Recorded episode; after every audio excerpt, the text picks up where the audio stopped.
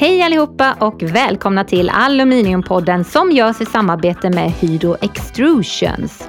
Idag kommer vi bjuda på ett specialavsnitt där vi kommer fokusera på Marine and Offshore samt Friction Stir Welding.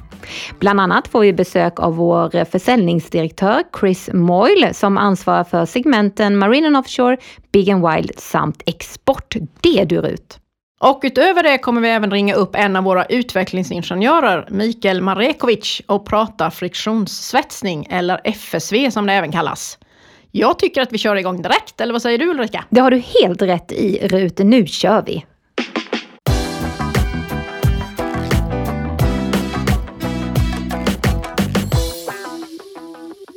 Nu får vi besök här i studion av Chris Moyle.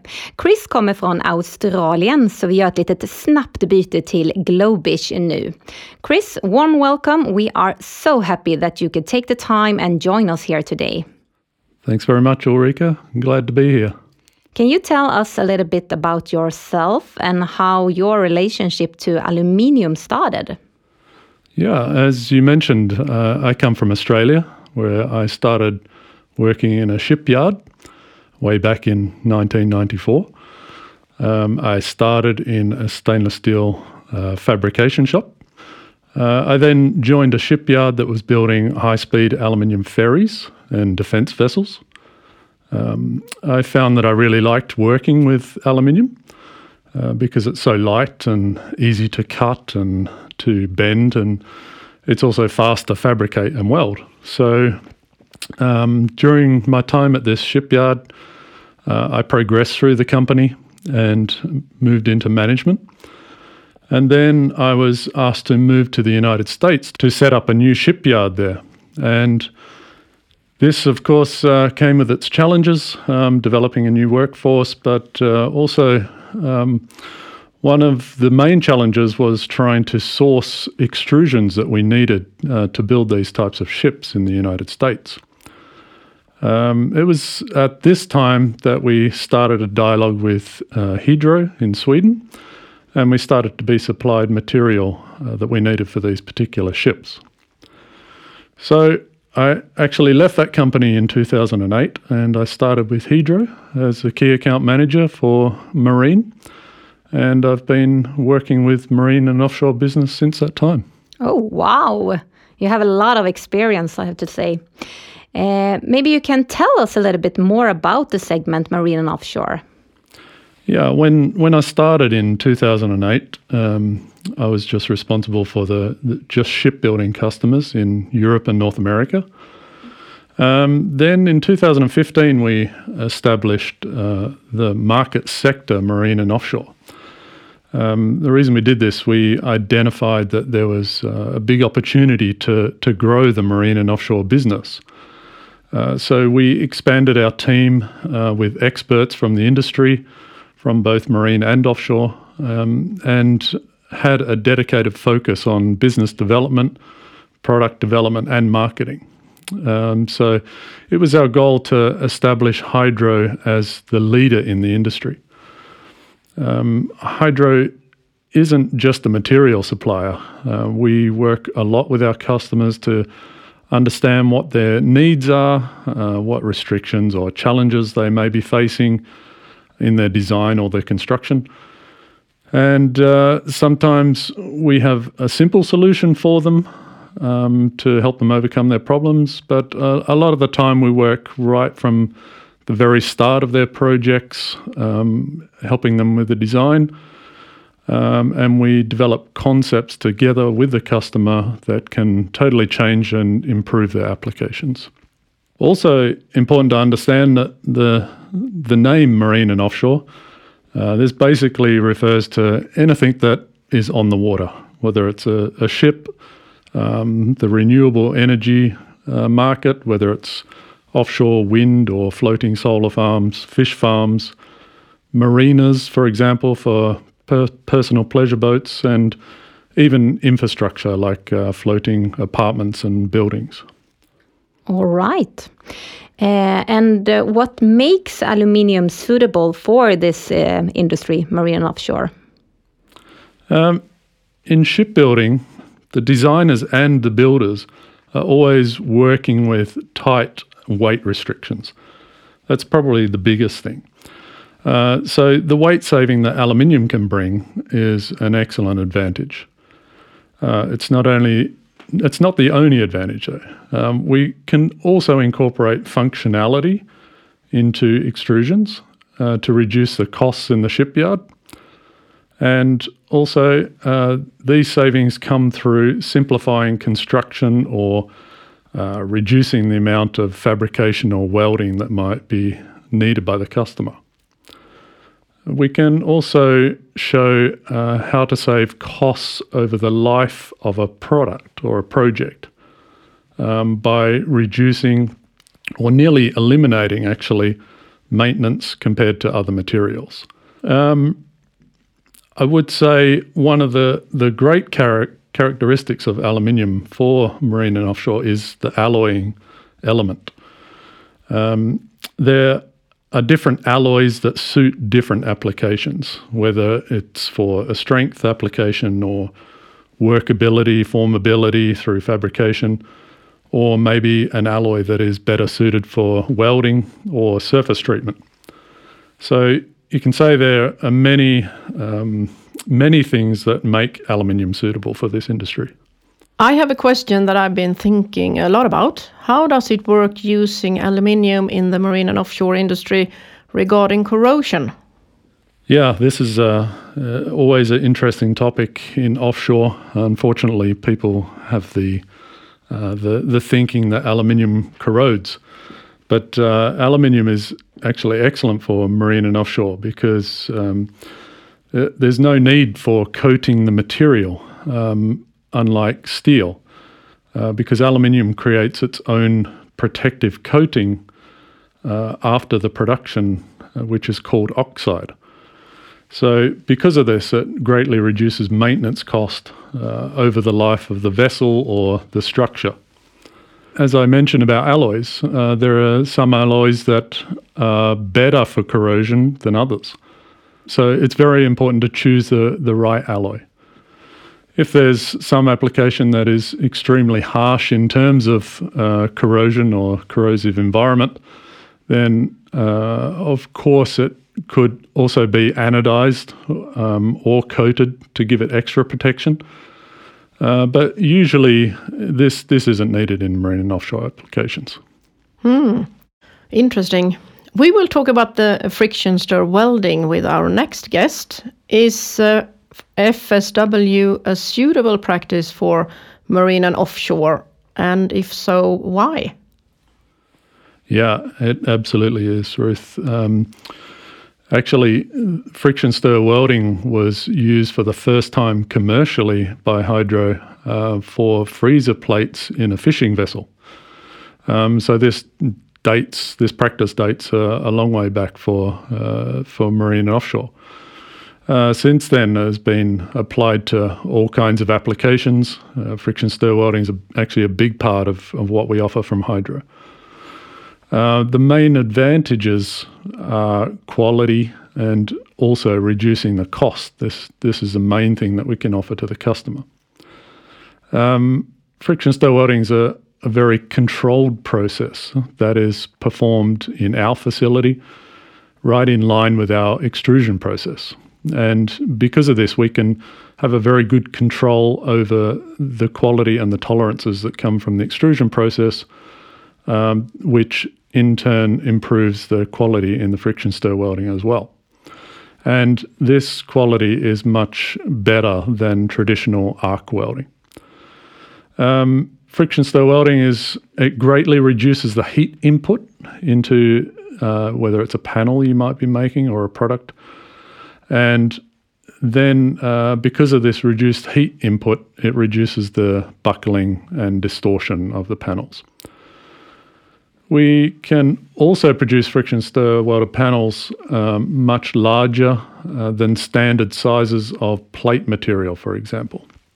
So, this then reduces production costs for the customer because it eliminates a lot of work that would normally need to be done in the shipyard, such as joining plates together.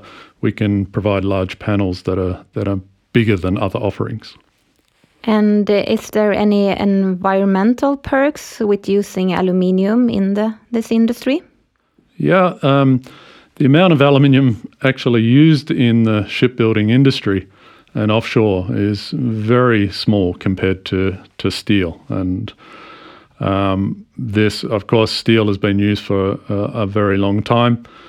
Um, but the aluminium is fully recyclable and it is actually becoming material of choice, uh, especially for the renewable energy market. Um, companies are moving from fossil fuels to renewables, uh, and they want to do this the right way.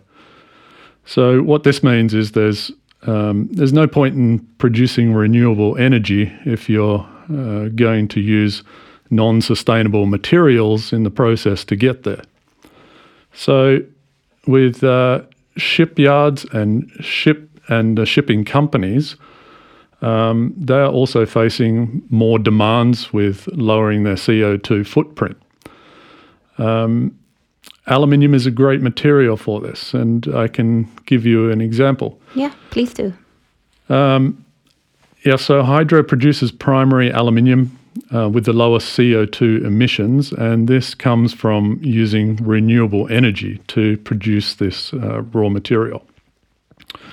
Then, from that raw material, we supply this to customers, and uh, either to um, for building ships, or maybe even for producing batteries or components for electric vessels uh, that will go into electric ships. So, then electric power uh, from batteries is being used uh, more and more to power ships, and that's uh, the trend that is happening a lot these days. And then um, the last point is that electric ships uh, will be more used in the future for servicing offshore energy fields such as offshore wind and floating solar. So, uh, when these vessels are decommissioned at the end of their life, all of the aluminium is fully recyclable, and so it all starts over again. So my point is that aluminium is a great example um, of the circular economy and therefore great advantage over other materials. Perfect. Thank you so much, Chris, and thank you for joining us here today. This was really interesting. Yeah, thank you very much. Yeah, thanks. Great to be with you.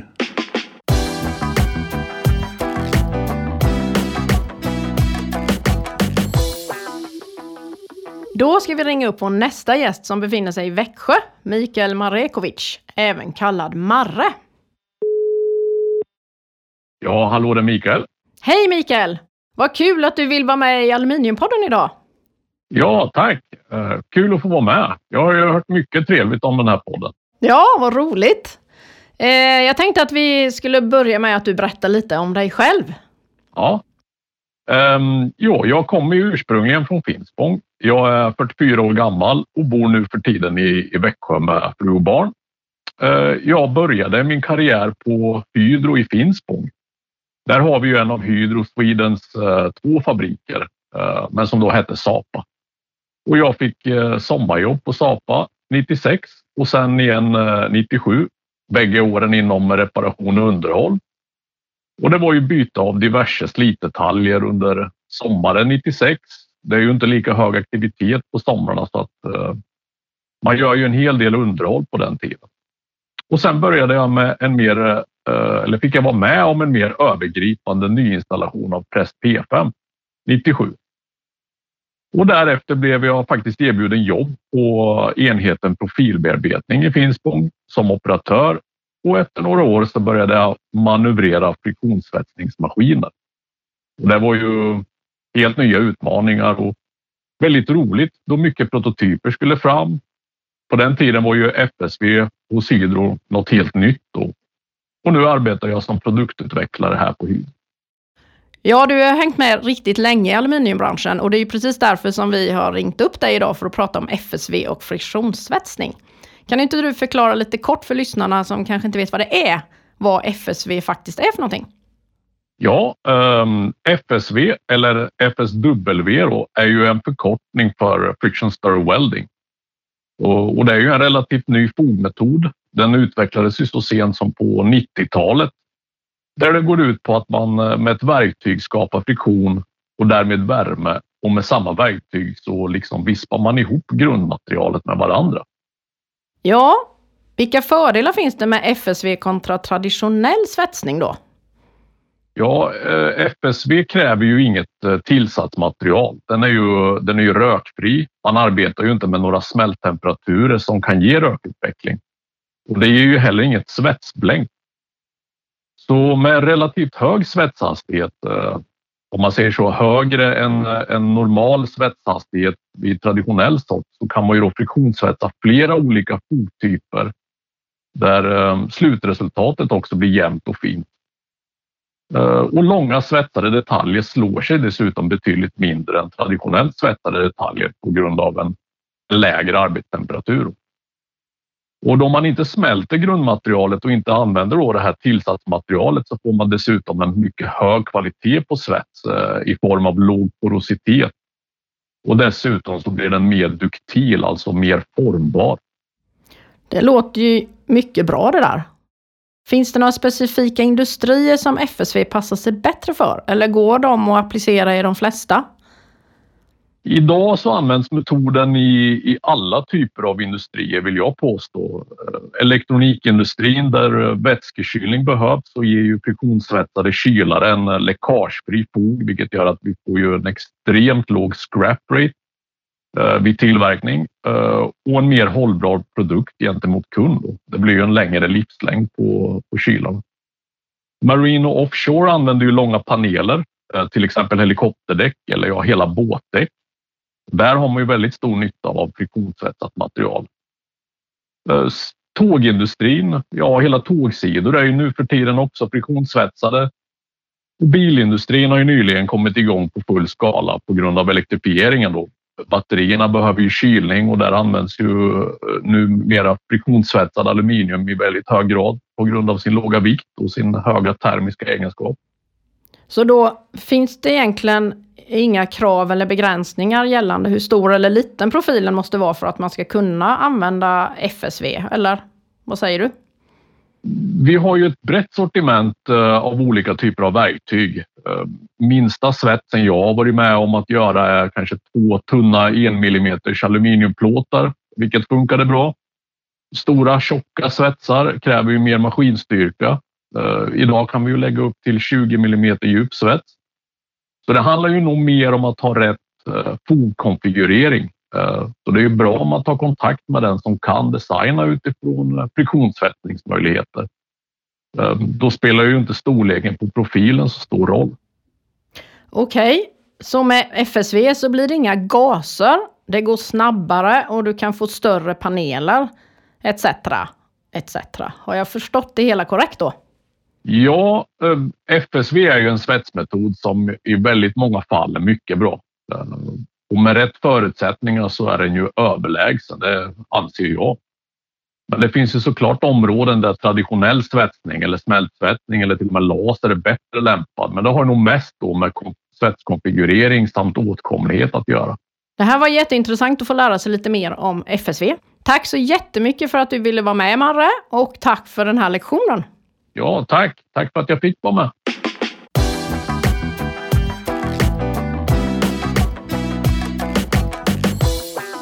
Väldigt intressant att få lära sig mer om FSV och hur man kan använda det. Tack igen säger vi till Marre. Visste du att aluminium är en naturlig komponent i vatten och vi använder också aluminiumsulfat för att effektivt rena vattenförsörjningen? I genomsnitt utgör vatten mindre än 1 av vårt dagliga intag av aluminium.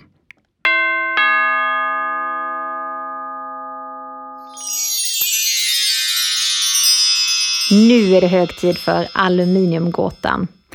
I varje avsnitt så läser vi upp en gåta om något aluminiumrelaterat och det kan ju vara en specifik produkt eller en egenskap och sen så avslöjar vi även det rätta svaret på gåtan från förra avsnittet. Kan inte du ta och göra det Rut? Jo, frågan var Finns i städer, lyser i mörkret. Och det rätta svaret på den förra gåtan är lyktstolpe. Yes! Och likt mycket annat så går ju lyktstolpar att tillverka i aluminium såklart.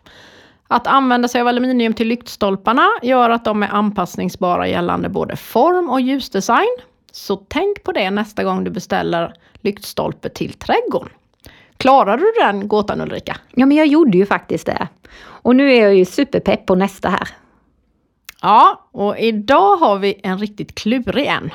Och den lyder eh, som följer. Jag kan finnas i din låda. Jag kan finnas i ditt kylskåp. Varken kyla eller värme påverkar mig. Jag kan se till att din middag kan bli din lunch.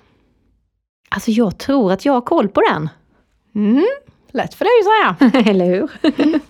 Eh, tror man sig veta svaret på frågan går man in på vår Facebook-sida Norsk Hydro och skriver sitt svar i kommentarsfältet till inlägget Aluminiumgåtan avsnitt 5 och sen kommer vi dra en vinnare som kommer få ett fint, fint pris. Eller vad säger du Rut? Ja, det får de.